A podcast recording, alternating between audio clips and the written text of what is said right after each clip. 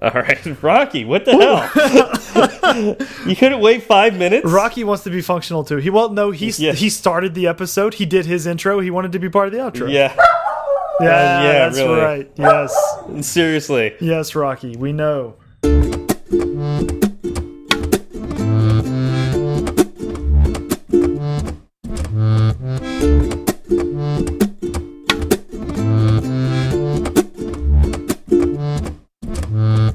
What's up, y'all? I'm Zach.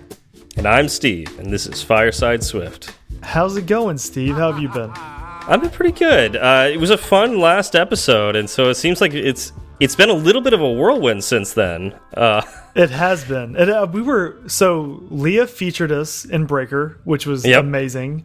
Um, and on top of that, we we made it to that day's number one top pick, yeah, and which was actually astounding. I know, I know. Like over all the other podcasts out there, like we were the the number one listened to or liked. I don't know exactly how they do the album, but we were the hottest, the hottest episode for at least one day. Uh, and then the next, like I I noticed, like the next day or something like that, we actually jumped up the weekly hot list, and we, I think the highest we got was number seven, which is awesome though. Like I, that's I'll great. take it. I mean, Yeah. For a podcast named Fireside Swift, we deserve to be hot. Oh yeah, Mm-hmm. yeah. We're we're always hot, right? Always hot. That's us. that's what. That's what. That's what they tell me.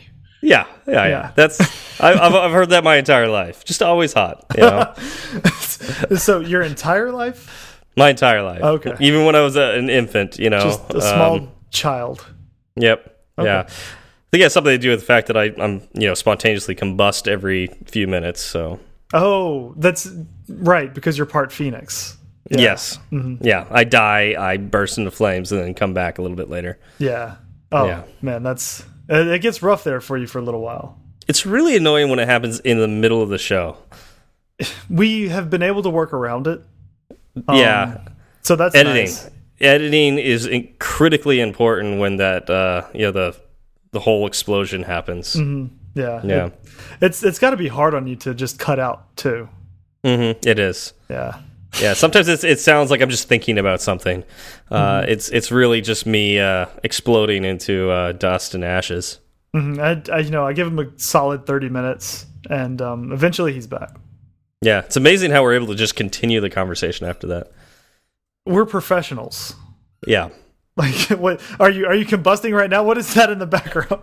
That would be that'd be rocky. Speaking of which rocky picked that point in time to uh talk about his uh his little hamburger squeaky toy. He's a good dog. So- I'm glad so he now- can make his contribution. yeah so now he has lost his hamburger squeaky toy. Oh no, poor Rocky. poor rocky. Uh i think he wants my attention so he, i don't know if he'll find another squeaky toy and start running around with it. We'll see. Um so anyways um yeah, so today's topic is uh, something that's uh, rather useful. Um, I would say it has utility. Um, You could even say it's functional, um, right. wouldn't you? I would I would say it's functional. Like we're today we're talking about Batman's utility belt. yes, that's that's exactly what it is. Uh, no, we're actually going to be talking. in there. the goal today is to talk about, and I do say goal because we'll see how how well we do at this.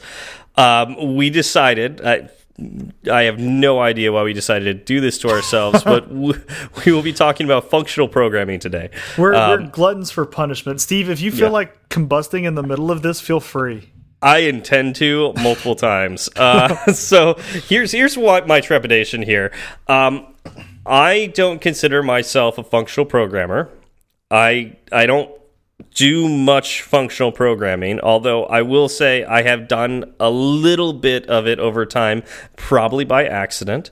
Um, Accidentally functional. Yeah, that's, Yes. that's the best. That's the best the kind best- of functional the best kind, right? Yeah. Um, mainly when writing unit tests or practicing test-driven development.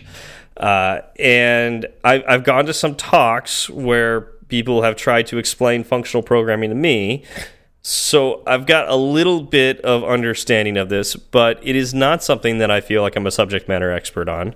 Um, and and so Zach, do you, do you how do you feel about this? Are, are you the subject matter expert here? Oh, not even close. Not even close. So it's a good thing we're covering it. Um, now, what I have done is I have gone and you know educated myself as best as possible in basically what was a week and a half. Um, but that yeah. is not enough to become an actual functional programmer. I will say that a lot of this, um, a lot of the source that I got my notes from is from Paul Hudson's uh, Pro Swift book. Chapter six is all functional programming.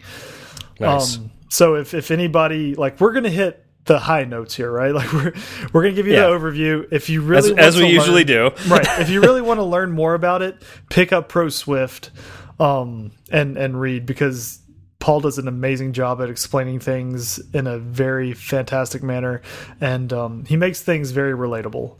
And so I'm I'm hoping we can kind of channel. I'm just I'm hoping we can channel him with our uh, with tonight's episode. Yeah, let's yeah. let's do so, him proud yeah, let's let's do our best, um, and I'm sure there'll be questions. I'm sure there'll be uh, things we get wrong as usual. Uh, so we'd and, love to hear from you uh, when we do get those things wrong. And you can uh, reach you can reach us um, at Two Straws on Twitter. Yep, that's our uh, official official Twitter handle. Answer, answer all of your functional programming questions. Yeah. all right. So Zach, what is functional programming? All right. So if you want the full definition, it would be a uh, programming paradigm known for utilizing pure functions and function composition. Uh, it avoids mutability, shared state, and their side effects. Okay. So that's so as broad as you can make it. Yeah, and I think that's like directly from Wikipedia too. Um, so it, it is a paradigm. It is not. Uh, so it's like a philosophy, mm -hmm. a way of programming. Correct. Um, and it's declarative rather than imperative. Correct. So we've we've also we've used a lot of terms here that we probably need to define. these um, are not so, these are not real people terms. No, these are not real people terms. Uh, paradigm, it's like philosophy. Uh, we talked we talked about utilizing pure functions and function composition, uh, avoiding mutability, shared state, and side effects of that that are caused by those. Uh, so hopefully throughout this episode, hopefully we'll be able to explain each one of those things. But um, we'll, we'll, we'll see where we get with that because there it's it's like I said it's complicated. Uh, let's start with um, declarative versus imperative. Sure. Um, so, what is imperative programming, Zach? So imperative programming, uh, you really you focus on describing how a program operates, right? Yeah. Um, you you write a bunch of stuff that will change a program state. So I think that's the most common thread with imperative programming, and this is typically what you're taught in school, right? Like exactly. you have variables at the top of the program, and then you write functions that change those variables. You're changing the state. So those those variables are something the entire program uses. You know, if you're really uh, say like if you're really lazy back when you're learning C or Java, you'd put in global. Like you'd have global variables that you oh, could yeah. change those, right? Those are great. Um, yeah, so that'd be the entire program state. Um, or you know, you could even have a singleton that has a state and you change variables there. Uh, you could have a database, right? That, mm -hmm. that is the state of the program, and you are changing that database. And because of that, when you run this function a second time, it does something different because the state is different. Correct. I think that's the key thing right there. When you run the same function a second time, if the state changes, you have a different output or a different thing that happens with that function. Correct. Um, if you really want to, you know, kind of simplify it, think about, you know, say you have a class with one attribute that's a variable. Um, it's a flag, right? So it's a, a Boolean flag, mm. right? It goes between true and false. You have one yep. function, and that function will flip that variable state from true to false. Um, and so each time that function is run, something changes, right? Like this, this would be imperative programming. Yes right? Yes, because you're, absolutely. you're updating the state, and different things will happen based on that flag. Okay, and we said functional programming is declarative. Yes. So, Zach, what is declarative programming? So, declarative programming focuses on what the program should accomplish without telling it, you know, how it should achieve that result, which is hard to really wrap my head around, right? Like, Yeah. I, I want to write all of the algorithms, right? The algorithms are a step by step process of how it, it achieves that result. So, what do I do? Yeah, yeah, and so, and uh, by the way, um, you know, for Mister Mister McSwiftface, I am emphasizing the e and declarative, but it's actually it's probably declarative, right? Like Yes, declarative. Yeah. All right. Anyway, so I don't get flack for that. Um, so declarative programming. Um, yeah. So like we like we think about what we were taught programming in school we think it, we were taught the imperative way but most of our school I, I would assume like most of our learnings was actually declarative 100% of mine was. Um, yeah well not 100% right because you did take some programming classes and you were taught the imperative way right mm, Maybe. I don't Maybe. not- All right. Look, look, let's put it this way not enough to where it's stuck, right? oh no imperative was the Oh, way yeah, like yeah. Sorry, sorry. That's what I Yeah. meant. I got see, see this is what we're trying to avoid for our listeners yes. Decla- no, declarative I, is what I meant to say was I'm completely functional. No, uh, yeah, exactly correct. So yeah, mo like think about what you learn in school programming. You were taught imperative programming, Yes. but you were taught declarative ways of using functions. Think about algebra.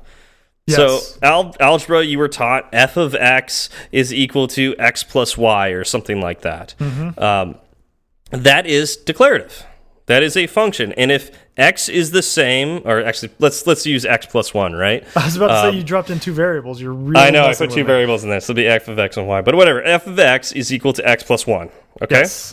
so if uh, if x is three, and you put it into that function, it will always return four. Correct. That never changes. It's not going to set a variable, you know, y over another function, and then all of a sudden f of x, re you know, x plus one equals 5 No, that never that never happens. Right. Um, that would be the declarative way of programming. If you always have your functions return the same thing, provided you apply the same input. yes. Yes. Okay, so that that is the, as far as I know, that is the basic tenet of functional programming. Right. Yeah. No. What what you just described is what's known as pure functions. Okay, Uh, a, a pure function is a function whose output is only determined by its input without any other side effects. okay, yeah, fa fantastic. So that's that's one of those. Uh, you know, we mentioned that in the initial uh, definition. So now you can know that when we say a programming paradigm or philosophy known for utilizing pure functions, we just described that, uh, and function composition. So, what would be function composition? it is creating one function out of many functions. And so you brought up you brought up f of x earlier. Well, in math you can also do something like f of g of h of x, right?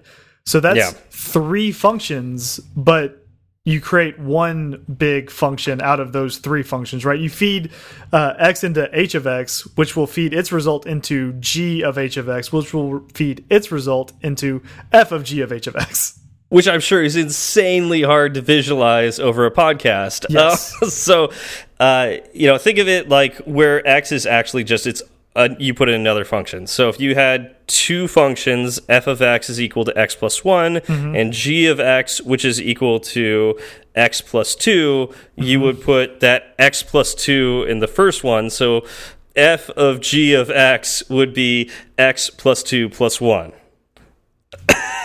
so I, I know like, I know this is really hard to visualize but part of this and I think this is why some people really gravitate to functional programming it is very strict mathematics Yes, it is. and so if you loved like hardcore mathematics I think you're going to love functional programming Agreed. Because, you know, all a function is, you know, in math terms, is mapping one number to another, yep right? And Yep. that's so that, you know, f of x, when, you know, when f of x equals x plus one, you know how to do that mapping. yeah Right. Yeah, it, it's weird to think of it as mapping because I when I think of mapping, I think of like Google Maps or navigation or something like that. But no, it's, it's good to use the term mapping because right. that's that's what a lot of people use in uh, functional programming. So you've you've seen the map function before, or yes. maybe you haven't. But now that we've said this, you're going to go out onto Stack Overflow and you're going to start seeing these maps everywhere. Um, what that that's essentially what it's talking about. Like the fact that we're, you're adding one to x in that first function I gave, that would be mapping one number into another, you know, to another. Yep. So now, you, and you this case you use the plus operator. So exactly. Yeah.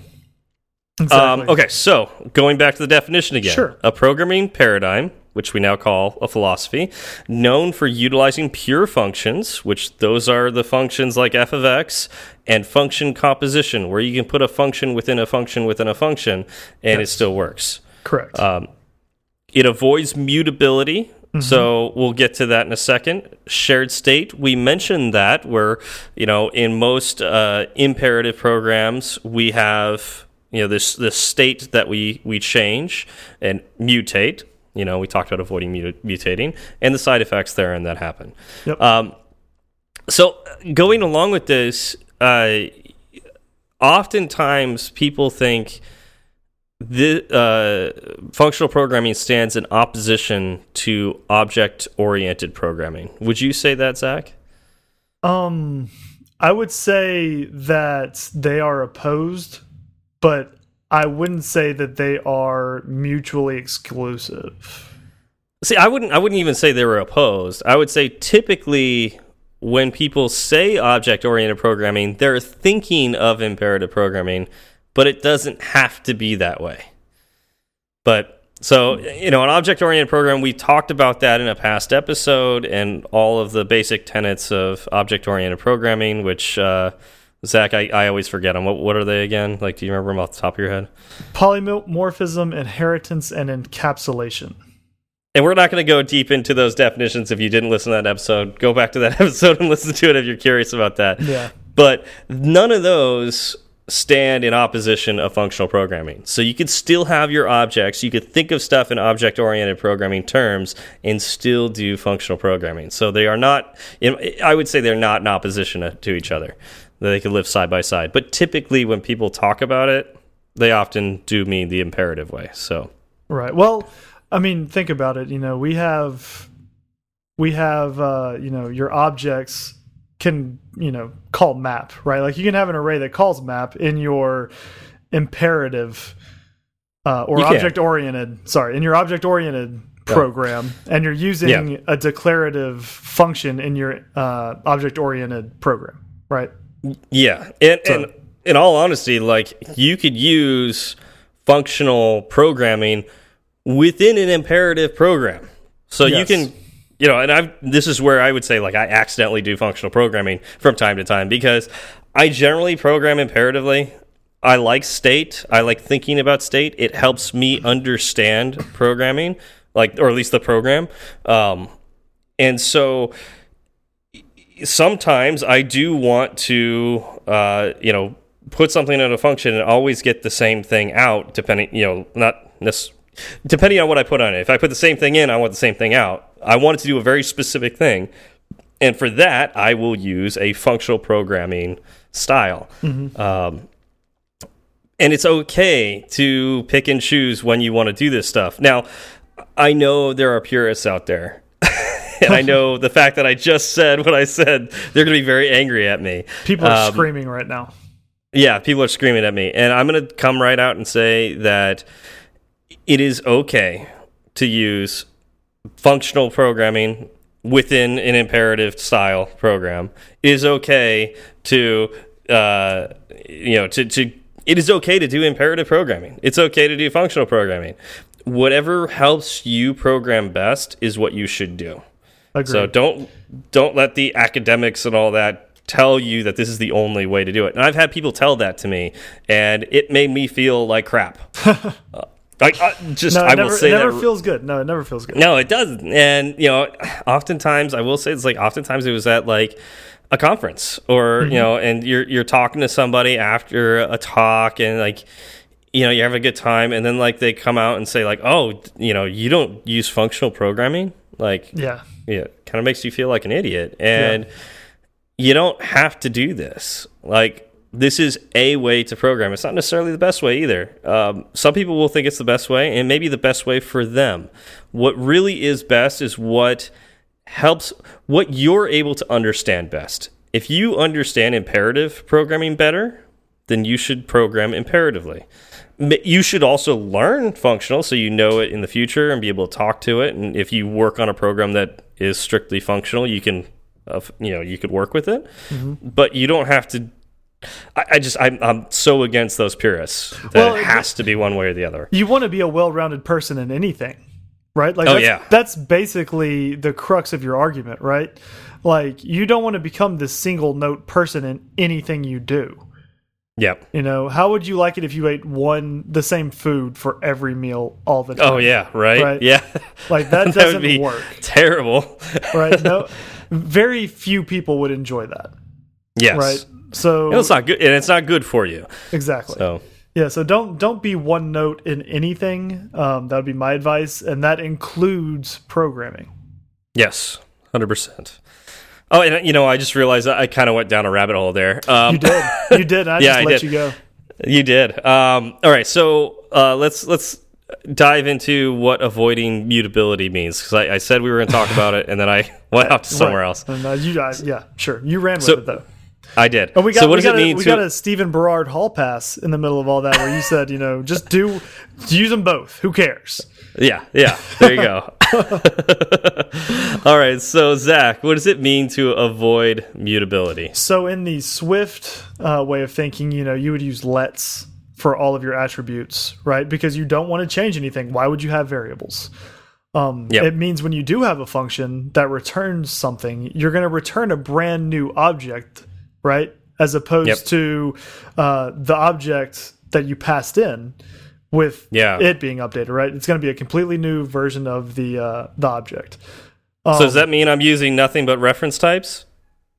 So, no, I would say don't use reference types. Um, so Ah. Swift, yeah, so the way this works is that you know there's no memory bloat if you use structs because they're value types, and they will get deallocated when they go out of scope. If Yeah, you use a bunch of reference types, you're going to bloat that memory very quickly.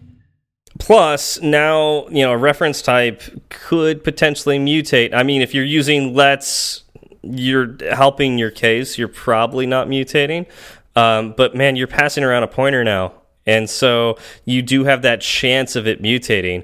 But if you're passing around structs, by the very nature of Swift and that being a value type, you have to create a new one when it comes back out. Exactly.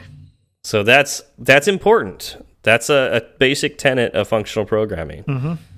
So Um, structs really really help with that.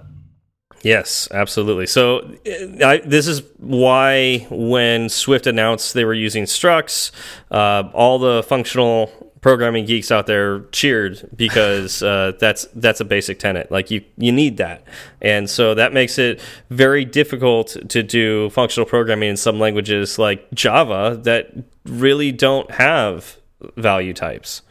So Yep. uh, yeah, you won't see functional programming people's you know spouting Java's praises. Exactly. So yeah. Mm-hmm. Okay, so what do we mean by share avoiding shared state? I know we talked about it a little bit, but uh, let's go deeper into it. Sure, it means that, you know, if we have two functions, function B should not change because function A set a state. Um, they need to be independent. So when we earlier spoke about that Boolean flag that we set, right? And we have Yep. one function that that flips it. Say we have a second function that um, you know will return a different object based on whether that that flag is set to true or false, which the first function flips.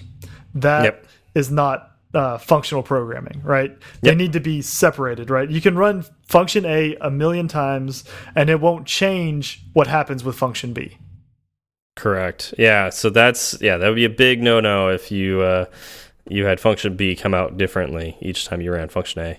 Exactly.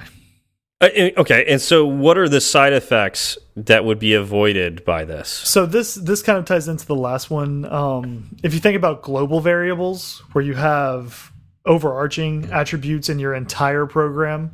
Uh, side effect would be like you know when your function runs, something outside of that function changes. Yeah. So you're you're dealing with you know one object in your function, and that object causes this cascade effect to where something else gets set in a different part of your program. Yeah, and so I guess I, I could speak a little bit to personal experience with this um, because I like to do imperative programming. Um, I will like let's let's take a table view, right? And um, you know I've got an array that has all the information about the cells I'm going to put in this this table view, and I'm going to go fetch something from the internet, and uh, you know it's going to come back at random times. It's and and I'm going to change my array, and then once it's changed, I'm going to tell it to. Um, you know, tell the table view to just redraw itself, and each time it redraws itself, it's going to look at that array and, and grab it. Yep. Um, so that should tell you like some immediate like there should be some immediate red flags to that. Um, for one, I'm changing this array potentially on a different thread. So I'm doing some multi-threading here. I'm making network requests and then getting something back. You it'll, it'll. I'm trying to do it in the background because it's going to be faster, and I don't want to affect the UI with it.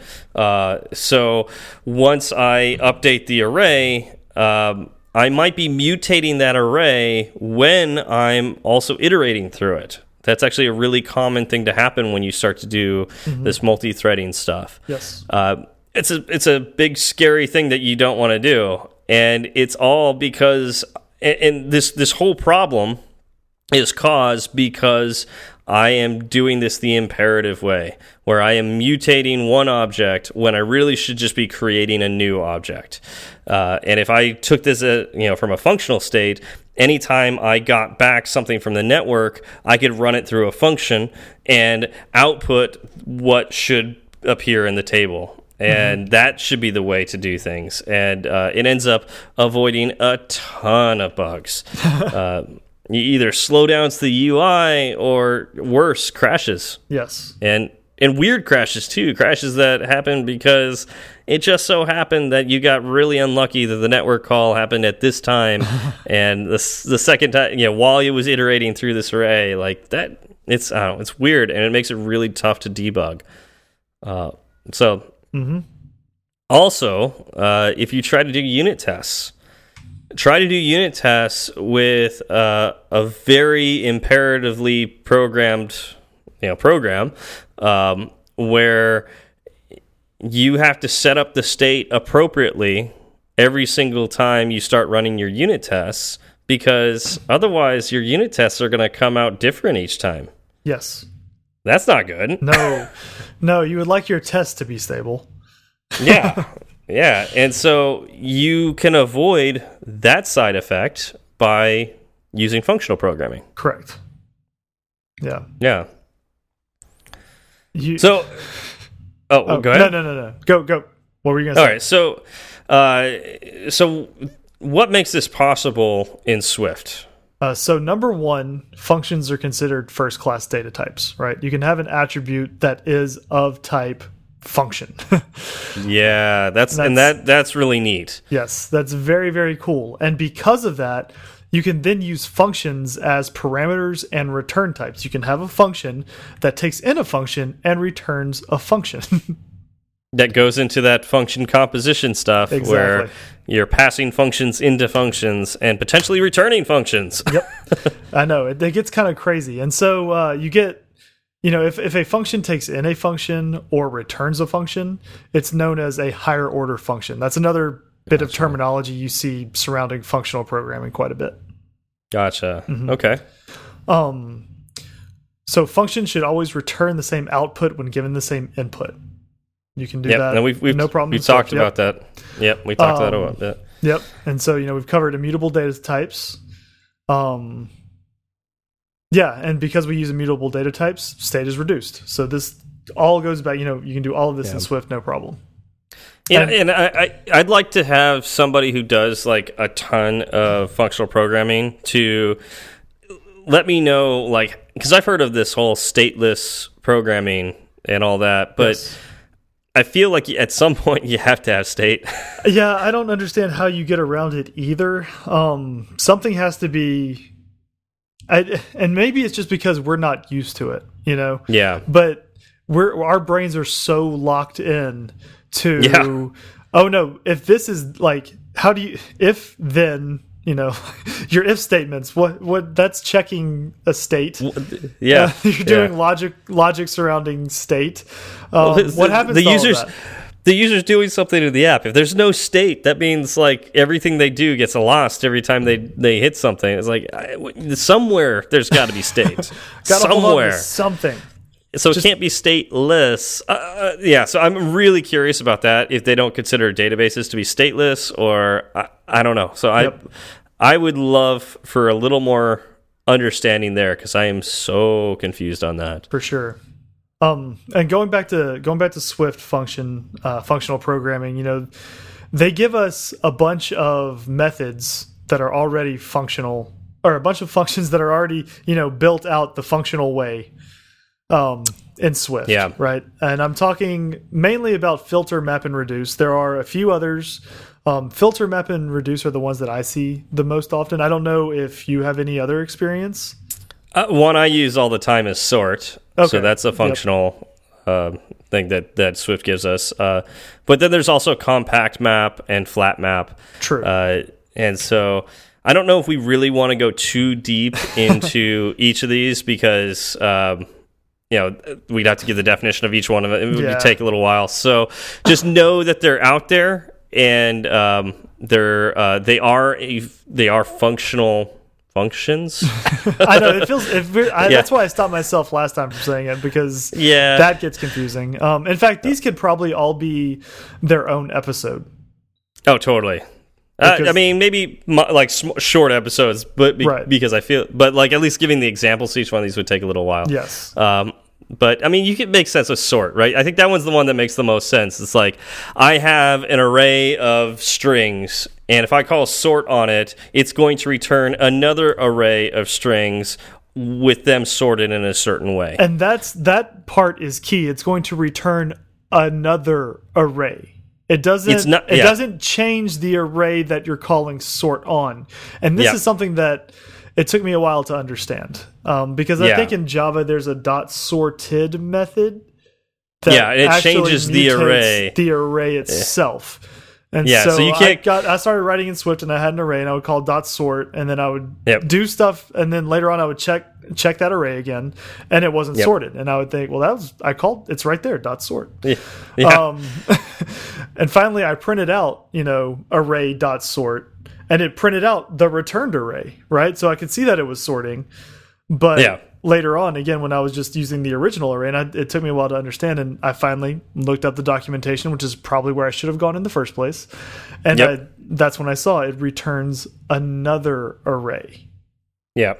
And so uh, one of the things with this is you will always return something with a functional function.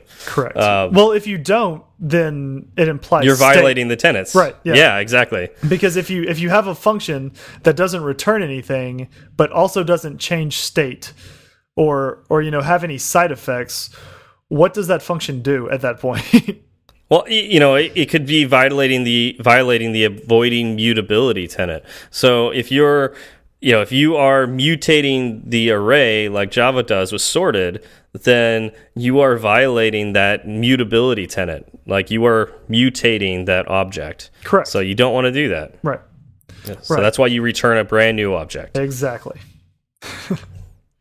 Uh, and then, like with all of these, you can uh, you could chain them together, and that gives you your function composition. Yes. Uh, so, like if you had the array, you can you know call dot reduce on it, and then immediately call dot filter, and then immediately call dot sort. You know, it's like and so it's gonna reduce it, it's gonna filter it, and then it's gonna sort the the final the final things. And each one of those is going to you know it's gonna the first thing's gonna happen. It's going to reduce uh, that array and then it's going to it's going to return that value but then the return value it's going to filter and return a value you know a new array there and then it's going to sort it and it's going to return that value and that's True. going to be your final thing there And I I realize now that reduce is probably a bad uh, example to use because that's going to change. Like Oh, that's so right. That, you, that, you'll that gives you it, one and or then you'll filter maybe one or nothing, and then you can sort Yeah. an array of one. So that maybe not the best, uh, and that's my bad. Maybe. that that was in the notes. Maybe. Uh, so yeah, uh, maybe like dot map dot filter dot sort. something like that. Yeah. Yeah. Where you can. Yeah. Map is probably a better one to put there. That's a good point. exactly. yeah, I didn't want to. I was reading that. and I was like, that that doesn't make sense.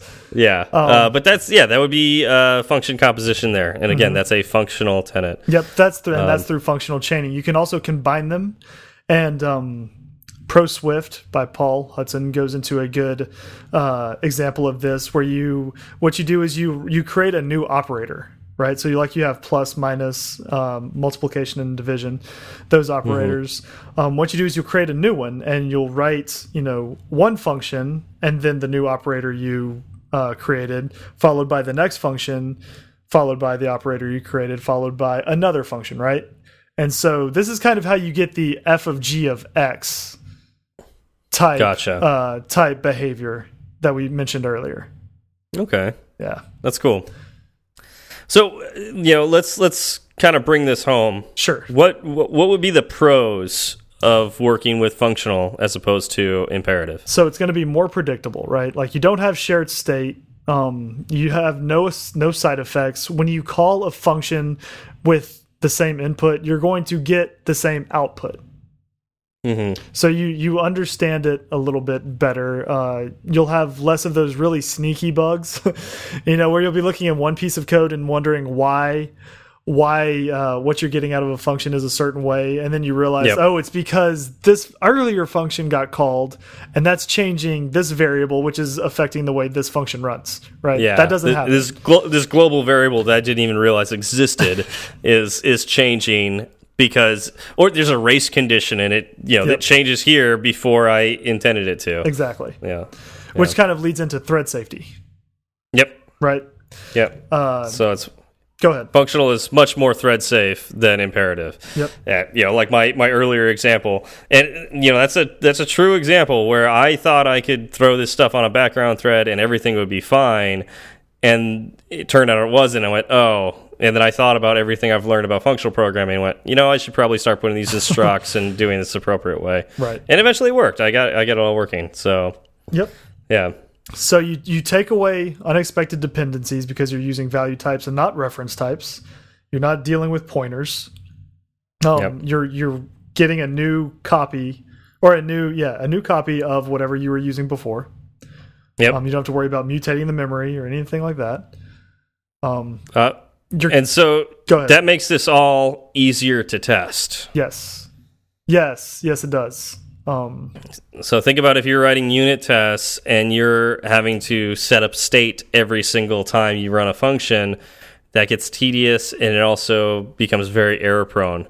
And so if you write in a functional way, then it writing those unit tests should be a breeze. Yep, indeed.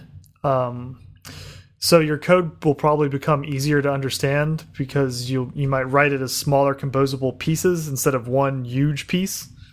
You know, you're going to write four functions with uh, imperative pro or declarative programming, where you may have just written one with imperative Yeah. programming. Yeah. so I think that pretty much covers it. Sure. Um, there's maybe a few more, uh, you know, terms that you'll hear like monad, uh, functor, which I don't even know what a functor is, but uh, they're out there. monads, monads mean something too. I, I think Zach, you you kind of know what those are. Do you want to like do a quick explanation of those? Uh, sure. So again, according to ProSwift, uh, functor is a container that implements map. So you don't Okay. need to call it map, but it needs to do the same thing, where it will convert A into B by applying some sort of transformation. Okay. And Um, what is a monad? A monad is a functor that also implements flat map. So it's Okay. it's one step above functor, basically. Okay, and we didn't describe what map or flat map do. Right. Um, I, I, you know, this is where we would say, you know, uh, this is your homework, your, your assignment. uh, go home, uh, look up uh, what flat map and map do, and uh, try to understand those. And then, you know, like I said, we're we're just doing a very high level view of what functional programming is, and Sure. uh, hopefully, like when you look at those now, uh, with what we've talked about, hopefully that will make it make a little more sense. Yeah, I, I agree. That's what I'm hoping. yeah. That, All right, That covers so- it. Oh, actually, one real quick thing. I just so through this conversation, I remembered a class I actually had that dealt with declarative concepts in my master's program.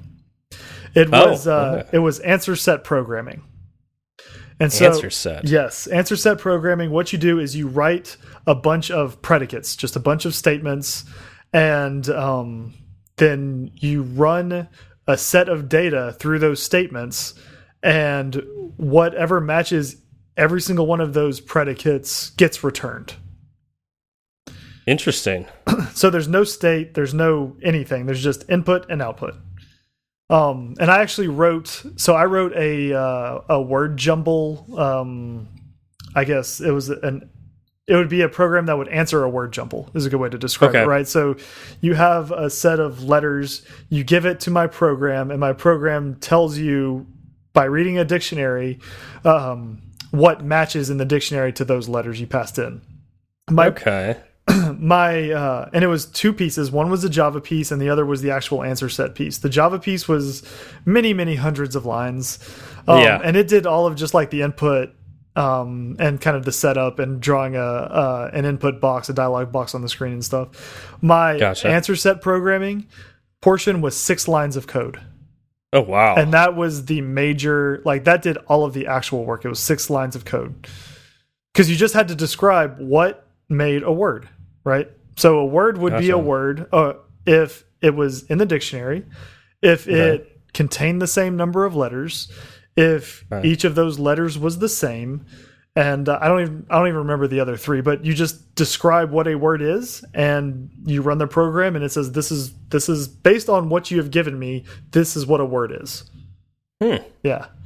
That's cool. Yep. Very neat. All right. Well, there you go. There's another example for you.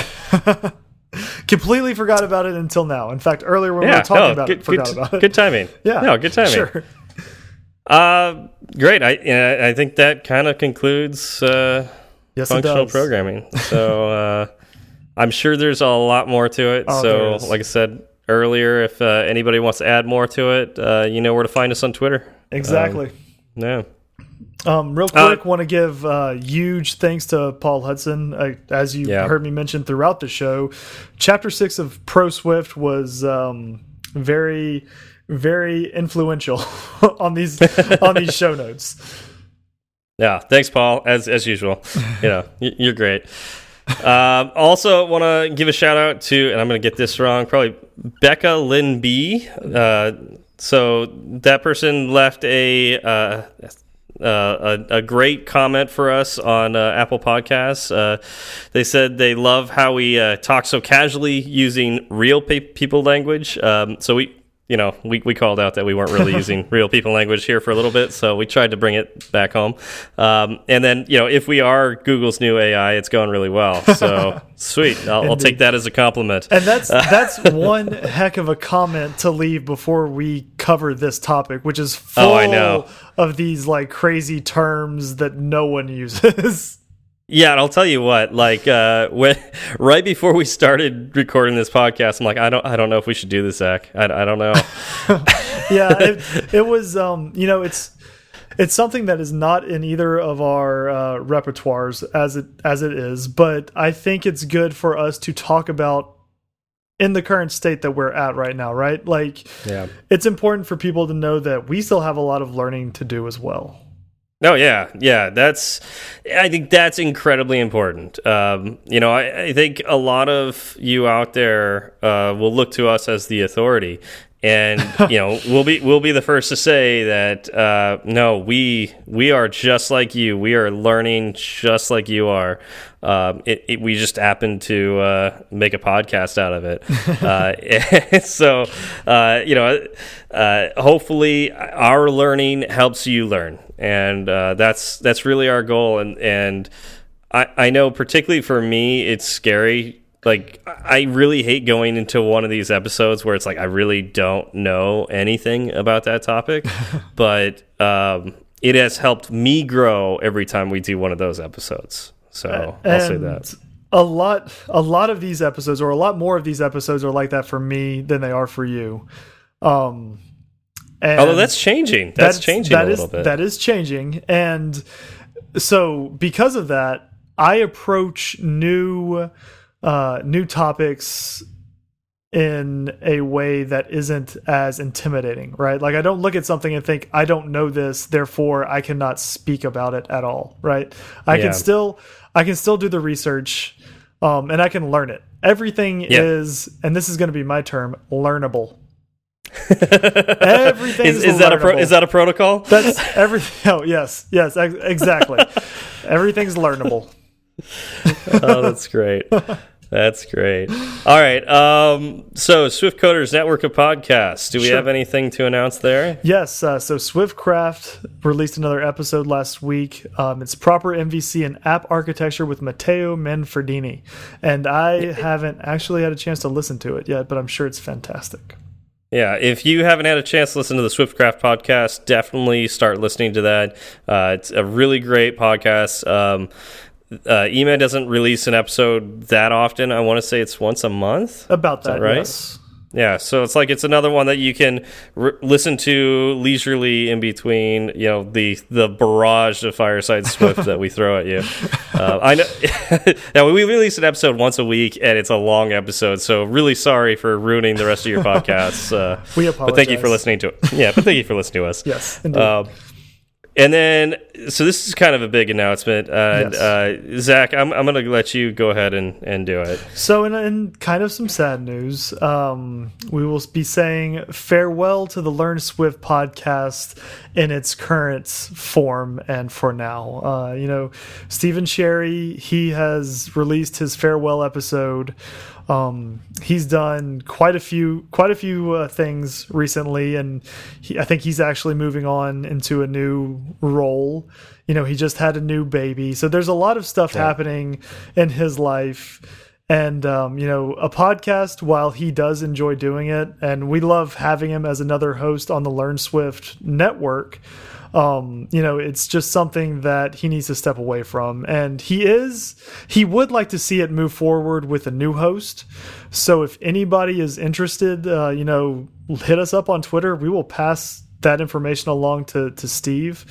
Um, Learn Swift Steve, not Fireside Swift Steve. Yeah, not me, not me. Um,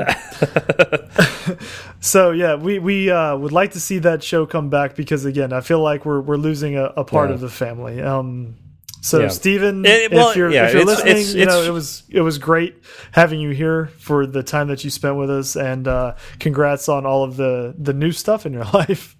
Yeah, yeah, yeah. Congrats, man. Um, and you know, uh, there are times when you have to move on. Um, I, I know the Learn Swift podcast takes an extra amount of work because like unlike with Zach and I, where we just make a commitment to each other and and you know meet up with each other once a week. Which, by um, the way, with, is still also oh, very hard. Sorry, my dog is just going nuts right That's now. That's fine. That's um, fine. But I'm, what was that? I was saying, like, even between us, it's still hard to do. Yes.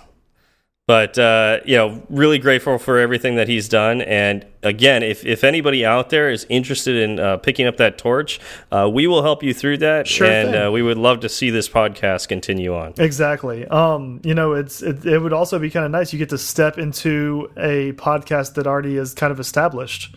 Yeah, and it's just sitting there yeah. waiting for you. Yep. Absolutely. Yep. All right. Is there anything more we need to add? Oh man, I really hope not. This has probably gone on. this has gone on long enough. All right. Uh, oh, there. Uh, stay tuned. There's a really neat announcement uh, after the song. Uh, that's all I have to say. Yeah, all right. The uh, uh, the extra hour or so after this is not just dead air like it was a couple weeks ago. Yeah, we, yeah, and and so we're not done with announcements. There's a, a major announcement coming after the uh, the song. So Yep. Feel yeah, please stay to listen for that. At least for the very beginning of it, so you know what the heck we're talking about. All right, thanks for coming by, and we'll see you next week. Y'all have a good one. It's such a good feeling to be at the end. A happy feeling that there may have been a mistake or two. So we'd like to hear from you. Twitter's great, Breaker might beat it. Email's fine, but we rarely read it. But we love five star reviews, and we promise to mention you. So get a pen and write this down. Just kidding, who's got pens around? Still, they'd love to hear from you. Steve Berard and Zach Falgout. Tweet at Zach and have some fun at CFALG or your T1. Apache FALG OUG1. He'll write back when his work is done. Tweet at Steve and you will see clever use of the emoji at S W B E R A R D. Fireside Swift has its own handle, so you can burn three sides of the candle at fireside underscore swift. At fireside underscore swift. And if your message is a little too long, there's firesideswift at gmail.com and firesideswift.com. Firesideswift.com.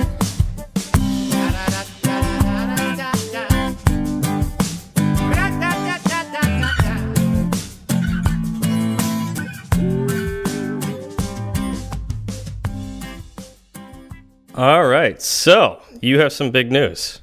Well, I mean, I have some news. Yes, I think I think it's it's big news. it's it's yeah, it's pretty big news. It's pretty big news. It's been um, it's the culmination of what was a seven month long process. All right, and what was what was this uh, seven month long process? You it's been longer. Like let's be honest here, it was longer than that. We've been recording this podcast longer than that. That's true, but it it it didn't formally start until seven months ago. Oh, formally, okay, Formally, fair- like yeah, the the the it, it, it, seeds put, were it put on a it, it put on a suit and tie and went out, uh, Yes. be, you know, to the formal. Yep. Up until then, it was just it was it was maturing, right? Like it was Yeah, just a little yeah. baby baby dream uh, that kind of started a little before the podcast and grew very swiftly the more I spoke Gotcha. to you. and like a, a nice polo shirt, maybe some khakis because it looked nice, Oh, but yeah. uh, it was it was getting ready, but not quite there. yes, yeah, but no, now we're we're finally there, and I'm going to be an iOS developer in a couple of weeks, officially Hey. getting paid for it. I guess I'm so. I, I need to take that back. I'm an iOS developer now. Yeah, I will you are an iOS developer. professional iOS developer in a couple of weeks. Congratulations! Oh, it feels so good. It feels so good to say that. I've been smiling all weekend. Awesome. yeah, my wife looks at me and she goes, "You're just really happy, aren't you?" I said, "You know what? It feels it feels really good to finally be where I've wanted to be after so so long." Yeah, well, I mean, I remember you telling me like one of the reasons you wanted to start the podcast was you wanted to get to this point. Now, hopefully, this doesn't mean that you're going to quit the podcast because of it. Uh, so Um, I have a second second point on the big news bulletin. yeah, yeah. No, no, no, no, no. Not planning on leaving podcasting anytime soon. In fact, um, they were so enamored with the fact that I do a podcast that uh, they said they would like for me to keep learning. And the way I look at this podcast is it's a very good learning experience for me. So yeah. this is the podcast kind of it's part of my job now. Like That's kind of cool. it's it's a way I can prove that no, I'm still learning. Look, I'm weekly basis, still putting things out. That's a great way of thinking about it. So- uh, and it's great that that company wants you to actually like keep doing this and keep learning. It's like a uh, yeah, I, I see a lot of companies that would look at it like a kind of a detriment. Mm-hmm. You know, you're spending so much time on it, and I know on nights we record, you stay up late, um, you do a lot of research and all that, and so some companies may frown on that um, because you're spending all that other that time that you could be spending sleeping or you know I don't know maybe doing something for the company. Um, even though it's on your own time, so I don't know about that. But um, so uh, that, no, it's I think that's really smart of them to get behind it. Um, I agree. Um, and I'm, you know, I'm happy that my coworkers will now know about this because where I'm at right now, I told no one, and I Yeah, lived, I lived in constant fear of someone saying, "Zach, I saw you had a podcast." well, I mean, I, I know we've kind of talked about this, but you know why? Why would why are you a little bit afraid of that? Like what what scared you about somebody at work finding out you had a podcast? Um, honestly, because what it would signal, or what I thought it would signal in their heads. You know, I was working at a place that did zero Swift development, and yet I'm putting all of this extra time into Swift. Um, now they would see me. So I worked every lunch, right? Like I've worked Yeah. my tail off to get to this point. Every single lunch, with the exception of maybe two a week where I would actually work out. Um, Yeah. I took my laptop up to work and I was writing Swift. Either I was writing, you know, an app or some code, or I was writing notes for the show, right? Yeah, So I dedicated a ton of time, and they they knew I was doing something. Um, did did any of your coworkers like ask you what you were doing? No, I would get, you know, they would kind of look at me because I would be carrying around uh, my personal laptop bag, Mm-hmm. and so they would know that I I brought an extra laptop to work, and I I would walk in and I would lock it up every morning, and they would see me doing that, which is.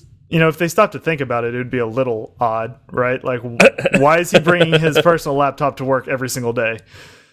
Um, Yeah, people do weird things. so- Right, all right. Uh, and it's not a huge deal. I told them that I've written a Swift app. I told them about QuizPal. Um, Yeah. so, you know, it wouldn't be completely out of the ordinary for them to know that I was programming. It's like this Yeah. deep dark secret. um, but it would it would just be weird to have it out there and I you know, I've taken some time off over the past like I said 7 months for interviews and such Yeah. and you know the past two years i took basically no time off except for at the holidays because you know i would i was just working and i didn't take a lot of vacation. That's just how i operate. Um and so you know the past seven months has been out of the ordinary for me as far as vacation and personal days go. Mm-hmm. so part of me wondered if they knew that something was up but i think it was spaced so far apart that they you know they could probably think maybe something's going on there but probably not right and Yeah. also this is this is coming from my point of view where i know everything right i Yep. know everything and so it's hard for me to do things and assume that they don't know anything Yeah. and so I'm sure that they they don't know very much. Um, I guess I guess we're gonna find out. I'm gonna Yeah, get my I'm gonna get my two weeks on Tuesday, and uh, judging by that reaction, I'll be able to come come on next week and tell you what exactly happened. Well, it's like when you're playing one of those like uh, board games where you have to lie to somebody. Like, um, not that you're lying, but like, or you gotta keep keep keep something hidden and whatnot. Like, uh, have you played the Resistance yeah, or or yes, or Right. like the Ultimate Werewolf or anything like Right, that? yes. Like, uh, you know, at the end of the game, what does everybody do? You go, "Oh man, I Right. saw you doing this and thought you were doing that, Right. and this is what I was thinking the whole time." Like, I wonder if that something like that will happen. Yep. And I, I wanted to tell them so many times. I'd put a lot Yeah. of thought into it. I and maybe someone a listener will will know better. Like in this situation, what do you do? Do you tell them that you are looking at other jobs or do you keep that to yourself? I wrestled with that the entire time. Yeah. Um No, that's that's a good thought. Like I know man, I know when I was uh looking at other jobs with my last job and you know, I ended up taking the one I have now, um I had a really hard time. Like I didn't tell my bosses I was looking because I didn't know if it was going to pan out. exactly. You know, Exactly. I, I was like, I'm gonna look for a new job, and if something, and, and actually, what's funny is like a lot of, like in all reality, I didn't need a new job, so it was like, if something happens to come up and I'm like interested, I will take it, and it's like really good. Mm-hmm. Yep. But I'm not gonna like go out like super hardcore for finding a job right now. Uh, yes. Um, Yeah, and that's So- that's what it was for me too. It's not like I was applying to dozens of jobs a week. Yeah. Um, I would apply to three a month, something like that, and I would end up getting Mm-hmm. maybe one interview every other month. Yeah. And you know those interview processes they they drag out themselves. They do. right? They so do. I would usually have a couple that were overlapping in various stages. Um, Yeah. but I didn't I wasn't going full force at it. And Yeah. I was able to see into a lot of so here's a big benefit. I was able to see into a lot of different companies and because of my current job, I could say you know, even if this does turn into something and they want to move forward, I very well may turn them down Yeah. because I I have the luxury of being picky right now. Um, Yep. And if I let my current manager know that I was doing that, I don't know if I would have felt that same security. Mm-hmm. Not that I really think they would have done anything. Um, Yeah, if anything, like I know a lot of employers will want to hold on to their good employees and potentially like give you a raise or something, uh, or maybe even promote you to try to keep you within the company, make you feel obligated to be there. right. But Well, that becomes it, that becomes its own problem, right? it could, Um, yeah, absolutely. So I because I am I will be making a little more money with this job, but with the way benefits Hmm. stack up, it you know it may end up evening out. So Mm-hmm. You know the more money your current job gives you, the more likely you are to be stuck in the situation where it's harder and harder to walk away from it, which is kind of what they Yeah. want. You know, even if they're not, Yeah. even if they don't mean it to be that way, you Yeah. you end up getting trapped because you know, oh, I'm I'm making I'm just gonna throw out some numbers like fifty thousand dollars here, um, Yep. but I just got an offer for forty thousand dollars. You know, like that makes can- it hard to leave. can you yeah. take that that yeah twenty percent pay cut? Yeah. Most likely not. Well, it, you know, and another thing is like companies rarely have the employees' interests in mind. The company has the company's interests in mind. Mm-hmm. And I mean, it's great if you can find a company that cares more about the employees than the bottom line, but that's really, really rare. Mm-hmm. And so it is incredibly expensive to lose a seasoned employee that knows, you know, you know knows their software, knows the ins and outs, has domain knowledge of all of all of their their IP, uh, intellectual property, and they lose that person, and then they got to train, they got to hire somebody new. Which I mean, that hiring process is expensive, and then they once they hire, you know, pick somebody out. They may or may not have picked the right person, so there's that risk involved, which is a cost. Uh, and then they got to train that person up to where the person who left where they were. So this is incredibly expensive for the company, and so it's it's in their best interest to uh, to keep the current employees there and happy. Exactly. Um, but that's obviously not always possible. Like, for instance, if your current company isn't doing any iOS programming, Mm-hmm. or at least uh, isn't doing iOS programming in Swift, they might be using something else. Yes. And it's not something you're interested in doing. no. Um, then, then uh, you know, that's uh, that's just a you know a situation where you know you can't mutually grow together, Well- and so and that and it, so my decision to finally leave because I, you know, I got this offer in the middle of the week, and it took me a couple of days. In fact, you know, when we first started um, the process together, I, I I started thinking about would I take a job from this company basically from day one. Mhm. Um, I got the offer in the middle of the week, and I took a couple of days just to think about it. You and I talked a lot about it Yep. and what I should do. Yep. Um, and it, it kind of came down to the fact that where I'm at right now, uh, they're they're not bad, right? But they they aren't they aren't meeting. So that there are changes that I would like for them to make that they physically cannot do as the company, Yeah. right? Like they're they're not going to do iOS development. They're not going to become smaller, like in any Yep. significant way, and Yep. they're going to stay in the same industry, Yeah. right? And you know, I don't find a passion for the industry that they're in right now. And so, Mm-hmm. while I do love coding, and I'm perfectly fine working on the uh, working on the problems they want me to solve, because I think coding is like a puzzle, and I love doing puzzles. um, Mhm. it Yep. would also be nice to care about why those puzzles existed in the first place, right? yeah. Um, and they so they can't change that. Um, yep. I get the chance and the opportunity to go from a team of like 30 devs to a team of two, Yep. which I know is going to bring its own interesting uh, dynamic, right? So all of a sudden, there's going to be a lot more pressure, and uh, the so the two person team is responsible for the iOS app. There are zero people working on the Android app.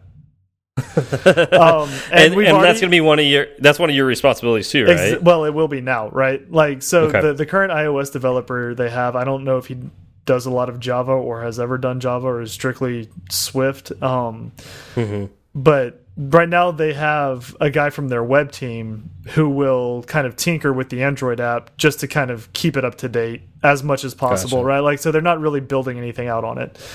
Um, so they're going to want me to kind of lead the charge on the Android side of things, which I think is really interesting. I can maybe go between iOS and Android uh, more more easily.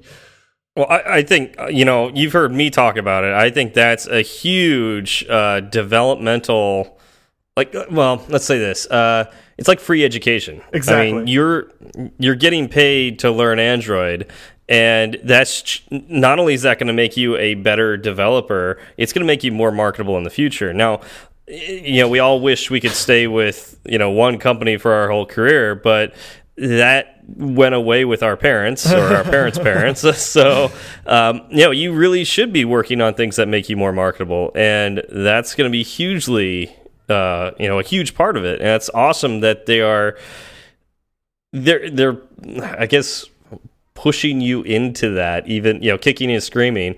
Um, and that's great Well- because. It kind of happened to me too, and Right. and I ended up in a much better position because of it. Right. Well, I mean, it kind of it works well for both of us, right? Like, I want to learn. I want to do. I want to learn everything, um, and they need somebody who wants to learn. Yeah. So we fit very well, very very well together. Um, and the more responsibility I get there, the happier I'm going to be. Like that's something that I'm not getting where I work now. Again, this is going back to the kind of 30 developers on the team, right? Yeah. um, the responsibility gets kind of parceled out and and cut up and split so many ways that once it finally comes around to me, it's like, okay, here's your tiny piece, which is fine. And Yep. some people like that. I just I want to see more of my work go into what we're doing. And yeah. when yeah. you have two people on the iOS app and zero people on the Android app, I am pretty much guaranteed that that's how it's going to be. Yeah. No, I've, I've heard this from people at like uh, Facebook or Instagram or I don't Twitter, you know, all those like all they have like hundreds of of iOS engineers and they're all jockeying to do to make something that is visible on the App Store or like maybe they do something behind the scenes, but um, they want to do something that actually impacts the app on the App Store. And rarely do they get that. Like maybe you get in charge of making one button or Right. you know, Right. You know, a part of a feature, uh, and it's like a, and then the, the feature may or may not go into the app, and so you're like, you know, jockeying to get it onto, you know, actually pushed into production code, yep. um, and that's that's tough. I mean, that just uh, it probably wears you down, um, It does. you know, just over time. it, like, it does and you know i i do really well under pressure um the more pressure Mm-hmm. there is the the better i respond um yeah, and so you know the alternative is also true. If there's not a lot of pressure there then i can kind of feel disengaged. Yep, and i start kind of i get anxious right? Like i want to do work. I'm i'm here Yeah. to work. Put me to work. And Yep. when that work is well you know we're going to have a lot of meetings. We're going to talk about a whole lot of stuff. Yeah. and you know maybe you'll uh, get to work on it maybe you know you'll be part of the team that talks about working on it and someone else does the Yeah. work on it and it's like oh no stop yeah, like give me something to do i'm here i'm here to actually you know write code and Make an impact. and there you go. And that is what I'm going to be doing. Um, also, awesome. the the user base for my new company per month is, I think. 12 times the amount of the user base of my current company for the entire year. Yeah. So That's that, that's intriguing because I mean I my user base on my side like my company is pretty low for my apps um, because we don't target the general public we target like event organizers Right. and you know they may put on an event with 10,000 people but you know 10,000 people don't log into the app it's that one person Yep. you know logs into the app Right. so I, I'm curious. You know, after time, after you've been working there for a while, I, I'm really curious to see how our, our conversations go and like the things that you could teach, the things that you could teach me about that because Mm-hmm. I don't work on apps that have to scale that high. Right. You know, I I don't. That's not a concern of mine. Right. Um, and it's it's been real interesting. So when I told my mom that I was interviewing with this company, she goes, "Oh, I I have that app on my iPhone. I use it all the time." I thought, "Oh, okay, well that's that's nice." Um, That's awesome. Then yesterday I was at a uh, one of my one of my daughter's friends had a birthday party, so we were over there, and um, Mm-hmm. I was telling everybody about my my new company, and um, the birthday girl's grandmother wandered over, and she goes, did you say you you were going to work on this app? I said, yeah. And she goes, oh, well, I actually, uh, my husband works in the uh, industry that uses that app. And so I use it all Oh. the time. And she had a 15, 20 minute conversation with me about, you know, how great it is, how much she loves it, how more accurate it is than other things. And uh, Wow. then, you know, like, I would really like to see this and this in the app. And I said, you know what? Okay, I will definitely bring it up. And then when we left, when we left, she goes, okay, and she was dead serious. She goes, okay, now who who should I email with my ideas? And I said, look, I I haven't got an actual work email address yet because I start in two weeks. But as Yeah. soon as I start, I will be sure to let you know, and you can send everything you want to to me. That's hilarious. And then I was talking to my sister tonight uh, because we're gonna have to drop our dog off with her for a couple of days as I as I go down Oh. to headquarters, and um, Yep. you know I told her the company, and she goes, "Oh yeah, no, I've I've used that app before," and that's really really nice. Um, yeah. because the company I work for now, if I tell people what I do and I say I use their website, they just kind of they nod and they say, and, Yep. and what does that company do? And so it's it's basically I'm moving to the opposite end of the spectrum, right? Like oh, totally. everything is changing 180 degrees, and I'm so excited for it. Yeah, I, I I still have to explain what my company does to my family every time. like, so, uh, but whatever. Like, uh, you know, they they never understand it. They never remember, but it's it's okay. It gives you something to talk about every every uh, year at like Christmas time. And what do you do again? exactly. for sure. eh, it's fine. Yep. So I'm I uh tomorrow's my work from home day. Um oh and that's the other thing. I, I I'm gonna go from one work from home day to three work from home days because this company isn't based in Austin, but their other iOS developer is. so three days I'll work from home and then two days I'll be co-working with him. And so it'll be interesting. Now I'm gonna have oddly enough, his name is also Steve. Um so because I don't I don't know Steve's are the best programmers. I don't know. I, that's it. Kind of seems like that's actually what I'm coming up against, and it's making things it's making things confusing for me when I have conversations with my family. Because when I now when I say Steve, I can't say you know oh the Steve that programs. I can't even say the Steve that programs iOS apps. I have to say Yeah. Steve, my co-host, Steve, the other co-host on the or the other host on the network, or Steve, my coworker. I'm Steve number one. Oh, okay. there's- You're, you're then just there's claiming Steve- it. Yeah. Okay. I mean, Obviously. it makes- I'm Steve, I'm, obviously, I'm Steve number Right, one. obviously. Obviously. and then there's Steve number two, and that's the Lauren Swift Steve. Right. And then uh, Steve number three is this new Steve. and you know the the positions are are always they're they're in flux they're fluid so you're gonna have to keep your game you know at, at a high level or else you might get No, no, no. passed i i don't make these rules the universe makes not- these rules I will always be Steve number one.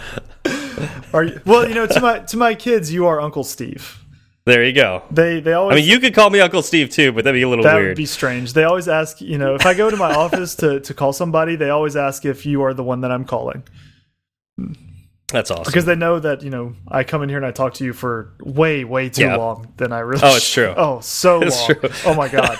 uh, and so they just assume whenever I'm calling someone in here, it's you. That makes sense. Yeah. But I'm I'm really excited to finally finally get started on all this, and you know even even with this new company, the uh, the process took two full months between sending my Yeah. my resume in and finally getting the job and you know there were weeks of just waiting which is is rough on a mental state when you know you think you Oh, finally yeah. again because I, I because I went through so many companies I was like I don't want this I don't want this I don't want this and the company that I'm going to it kind of checked all of the boxes right Yeah. um, my on-site interview with them, everybody was so uh, intelligent, and you could tell they cared about what they do, and that Yeah. they put so much love and thought into it, and you know that that made me more excited than anything else. That makes a huge difference. Yeah. Uh, that's I mean that's why I love where I work so much is we have a small team but we all care so much about each other and the product and you know just just putting out something quality. And you know really our biggest arguments at work are when either we're yeah we've rushed too hard or something like that we put out something that we're just not as proud of as we normally are. And it's like oh people people will go nuts over that. And i love that. That's so great. You know contrast that when i was working for the government and oh people just put their hours in Yep. and then they go home Right. Yep. and they get really excited talking about their hobbies but they don't get too excited talking about what they do because Yeah. it's usually not what they wanted to do they just ended up there Yep. It's and it it can be rough at times. Um and there are going to be people who work you know where I'm at right now that I am going to miss, you know, that that Yeah. do really really good work. Um Yep. and I'll I'll miss working with them, but I think I am kind of I'm I'm moving up. They're going to be it's going to be a little bittersweet, right? Like there Yeah. but there are so many pluses to where I'm going uh that it's going to be a, just like, you know, 10% bittersweet. It's I'm not going to miss too Yeah. much about it, but there there is going to be stuff that I'm I miss. Um but I'm I'm excited to be moving on. yeah Yeah. Well, you know, I, I've got a buddy out here. Um, I'll call him out by name, Yuriv. Uh, you know, he he uh, he keeps bugging me about uh, you know moving on after so often. Like you know, just you don't stay in one place for too long because you need to you know look out for yourself and your family and go out like you get stale after staying at one place for too long so it's like even if you love the people you work with even if you love your job like part of your career is to force yourself into another job so you can learn something new. Otherwise, you're going to keep doing the same things over and over again, and you will not grow. You will not mature as much as you would uh, moving on to something else. Right. So, Right. Um, and it's it's going to be interesting because this is going to be so different. I think you know where I'm at right now. It's it was a really good place for me to kind of cut my teeth and Mhm. kind of set my feet, get my feet wet in the uh, in the development world. Um, yeah. but, that was your that was your first job yeah. right after getting your your master's, right? Correct. Correct. So, Yeah. you know, and it was working there and kind of seeing what what actually happens in, in kind of a, a development atmosphere. Um, and then kind of form, know, forming my own uh, opinions about it, and then talking to you, and you know, you would say, "Oh, well, that's interesting," and we kind of go into more detail, and that also kind of helped me uh, make make up my mind that it was time to move on. Um, the place I'm going now, so where where where I'm at right now, we have to do our deployments after hours because of like they don't have a good way to shut down the servers when any deployment happens, right? Um, My new company, they can take down a server and have it back up again in eight minutes. And while that is happening, they just take it out of the rotation of their normal servers, so there is no interruption in uh, Yeah. yeah in service. And so Yeah, there's, so they, there's no they, such they got thing. a they got a they've got a cluster or something like that. And they just they And- take one, update it, Yep. put it back in the cluster, take one, update, put exactly. it back. And there's so there's Yeah. no such thing as after hours deployments.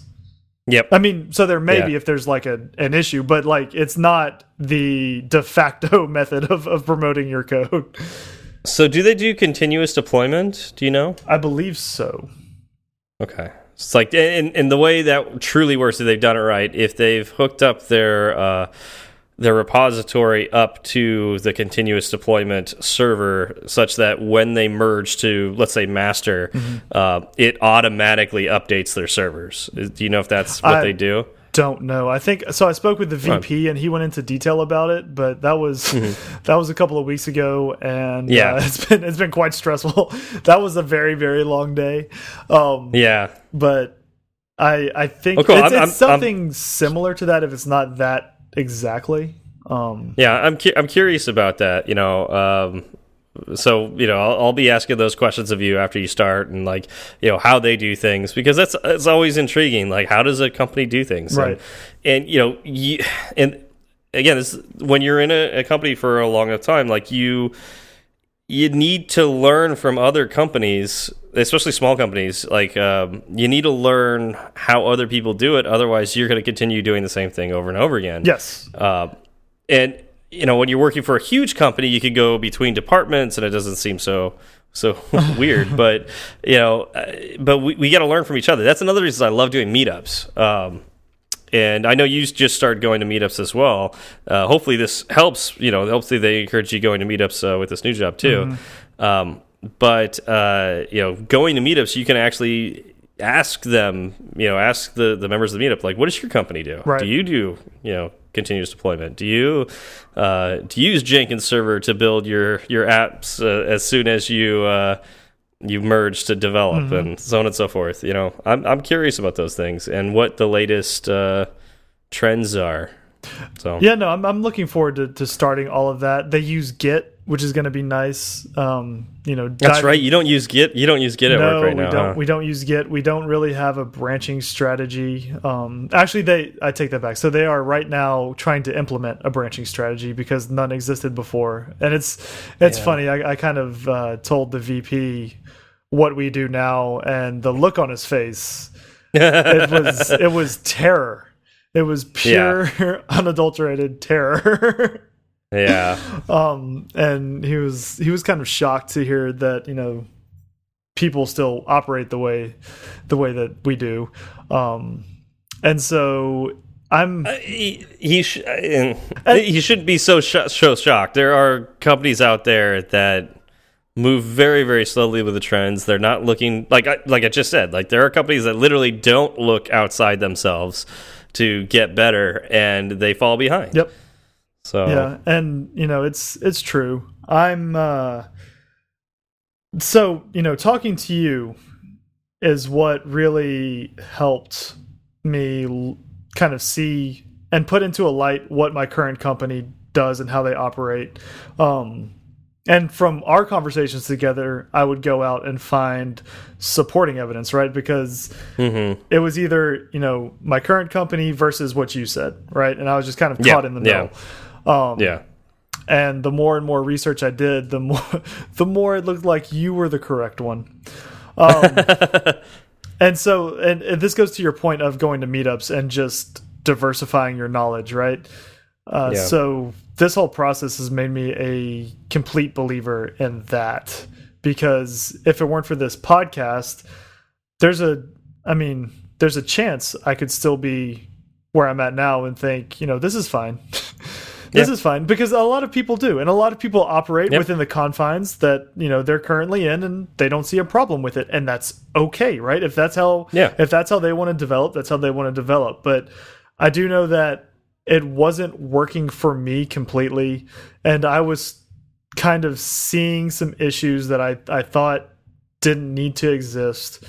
Um, and the only way I could actually get confirmation on that was to go outside of the company. And so obviously you were Yeah. the very first person I would talk to about any of that. Yeah. So Yeah, and you know, I I just told you my experience, and uh, but but I also had a very similar experience as well. Uh, you know, I, I told you about the first time I went to AltConf and how that like opened my eyes insanely. Like, wait, they're not talking about what TDD is. They were talking about how best to implement TDD. Right. What is TDD? guys, guys, you skipped a step. yeah, it really. I, I felt like I was so behind. I really wasn't, uh, but it felt that way, and But that's another reason, like why companies should send their employees to conferences. And it's it's real easy to feel that way when you go to a conference, especially if it's one of your 1st conferences. Um, Oh yeah, I know I went to my very first conference and I was so overwhelmed. You know, they were talking about things that I had never even heard of before. Yep. And I was thinking, where do I even begin? Yeah. Um, and the trick is just to. So the one I went to was extremely specialized. Um, and so I realized that the people there, you know, that was all that they did Mhm. at this particular conference, and uh, and so you know, me, this was I had been working at my new job for I think six months. um, and this was being thrown into the deep end, and you know, not only were there no like little floaties for me, I had a forty pound weight tied to my ankles, and my my hands Yeah. tied behind my back. Jeez. Um, it was This is a, gr- this is like I mean, so this was them trying to kill you, Godfather style. Well, this was me. No, they because they they said Zach, we want you to go to a conference, find one, and I thought, well, this one seems Yeah. interesting, yeah. And I showed up, and it was completely overwhelming. Now, I did come away with some good thoughts and ideas, which is mm-hmm. you know the reason why they sent me. But Yeah. the whole first day of that conference, I was, I, it was shock and awe. Yeah. Yeah. No, that's and sometimes that's good. Um, you know, we talked about a little bit in the past about how I did a big Nerd Ranch boot camp. Those are overwhelming. Yes. Like I, I- I can't say enough. Like how when I was there for that week, like there were good discussions before we started the class and then after the class, you know, at dinner time and lunchtime. But during it, there was no time for thinking about like why something was the way it was or asking questions. It was no, just plow ahead. Just like, I mean, my, I mean, so much information was coming at me that I couldn't process it there. And I'm still processing it to this day. Right. Uh, but what's really neat is like like all the things that I did learn, like it did come out like over the years. Right. And uh, like for instance, I heard about Kotlin for the first time at that boot camp, and guess what? I'm writing in Kotlin every day now. Like that's it's crazy. Like so you know that's the kind of things like you know once i knew that something existed i could do a little more research and find out about it and so my company was ready for when kotlin got announced to start heading in that direction whereas like a lot of other companies still don't know what kotlin is Exactly. you know because they because they don't pay attention to like google's things you know the their their conferences and they don't they don't look at the announcements and so they think everything's fine just keep going the way it is but that's not true Yep. like the world is changing and you have to change along with it Yep. and the only way to do that is to know what those changes are exactly. In fact, you know, when when uh, I started talking with you know my future company, and they said we don't have a dev for our Android our, our Android app, but you know Java, so you know you'll be able to step in and kind of become that. And mm-hmm. I said, well, what you know, how open are you to me using Kotlin and kind of rewriting? as I go, you know, in a completely new technology. And they said, "Oh yeah, no, we're we're open to it. That sounds good." And that That's awesome. that made me real excited. yeah because a lot of companies will be like oh wait wait i don't know about that Right. Exactly. You know, and I think well, and here's the other thing. I think that they're in a place right now with that app where you know, there are zero other devs on it. If there's going to be a Yeah. time to start writing things in a new technology, it's going to be when no one else is there. yeah Because if No, all of a sudden they hire three other developers and none of them know Kotlin, it's going to stay Java forever. Um, well it won't it won't but well, you know you- at least for right, for the time being right, it'll yeah, stay yeah, that way Yeah. Uh, Yeah. and yeah, for the near forever is that is that a Yeah. term? Um, yeah I, we'll, we'll make it a term yeah, we've, we've done that sure. before the, i'm good with the that near forever, not the future forever. That's a completely different place. yeah Um, no the near forever Yeah, the near forever.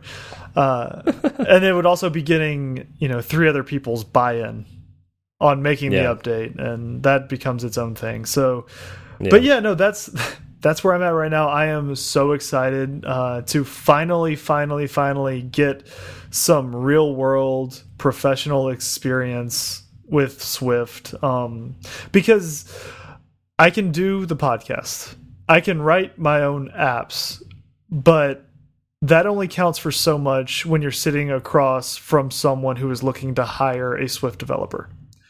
That's true. Um, they are pluses, right? But Mhm. and and you know even my my future company they say you know there are some question marks around you because you haven't had that professional experience yet but because you've done your own app and because you do your podcast and you know you you come across as someone who's willing to learn and and really willing to uh put their heart and soul into it we are more than happy to take a shot on you you know and we we think you'll do really well here. And not only does that make me feel good about myself it makes me really really really really want to uh impress them right? Like i'm going to work even harder. Not that i wasn't going to work hard in the first place but now they're saying you know we've put our faith in you and and that Yeah. means a lot to me you know whenever anybody Yeah.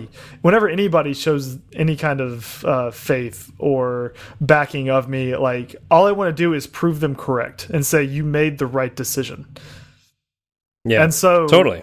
you know i know they don't know that about my psyche but they really like flicked the right switches to to get me really uh ready to to jump on the projects and just attack them Yeah. so i'm i'm Yeah. so looking forward to it Well, congratulations. I'm super excited for you. I can't wait to continue to talk about this. Um, and yeah, man, I, I can't wait for you to start. I me neither. I'm kind of uh I'm interested to see you know what happens this coming week with it settling into my current company. Yeah, I'm a little curious about that too. I mean, it, it'll be obviously more interesting for you because you'll have to live through it. Right. Um, Right. but uh, yeah, I mean, we'll, we could talk about that too. Like, I'm I'm curious about like th- th- there is going to be some oddness to that, and there always is. Yep. You know. Yeah, because you know, it's again, I'm a loyal I'm a very loyal person.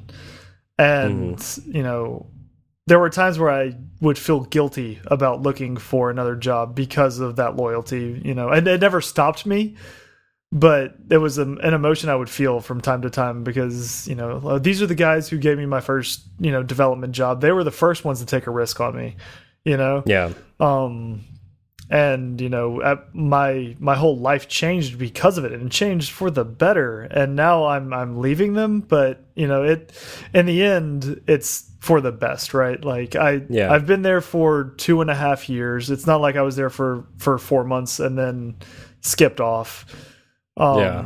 and we've done really good Yeah. work and we're we're uh, unless something really insane happens in this next next couple of weeks we're we're going to leave on good terms right like i don't Yeah. i don't hold anything against them i really doubt they'll hold anything against me um so yeah it's, it's good you know to leave in that in that situation Yeah.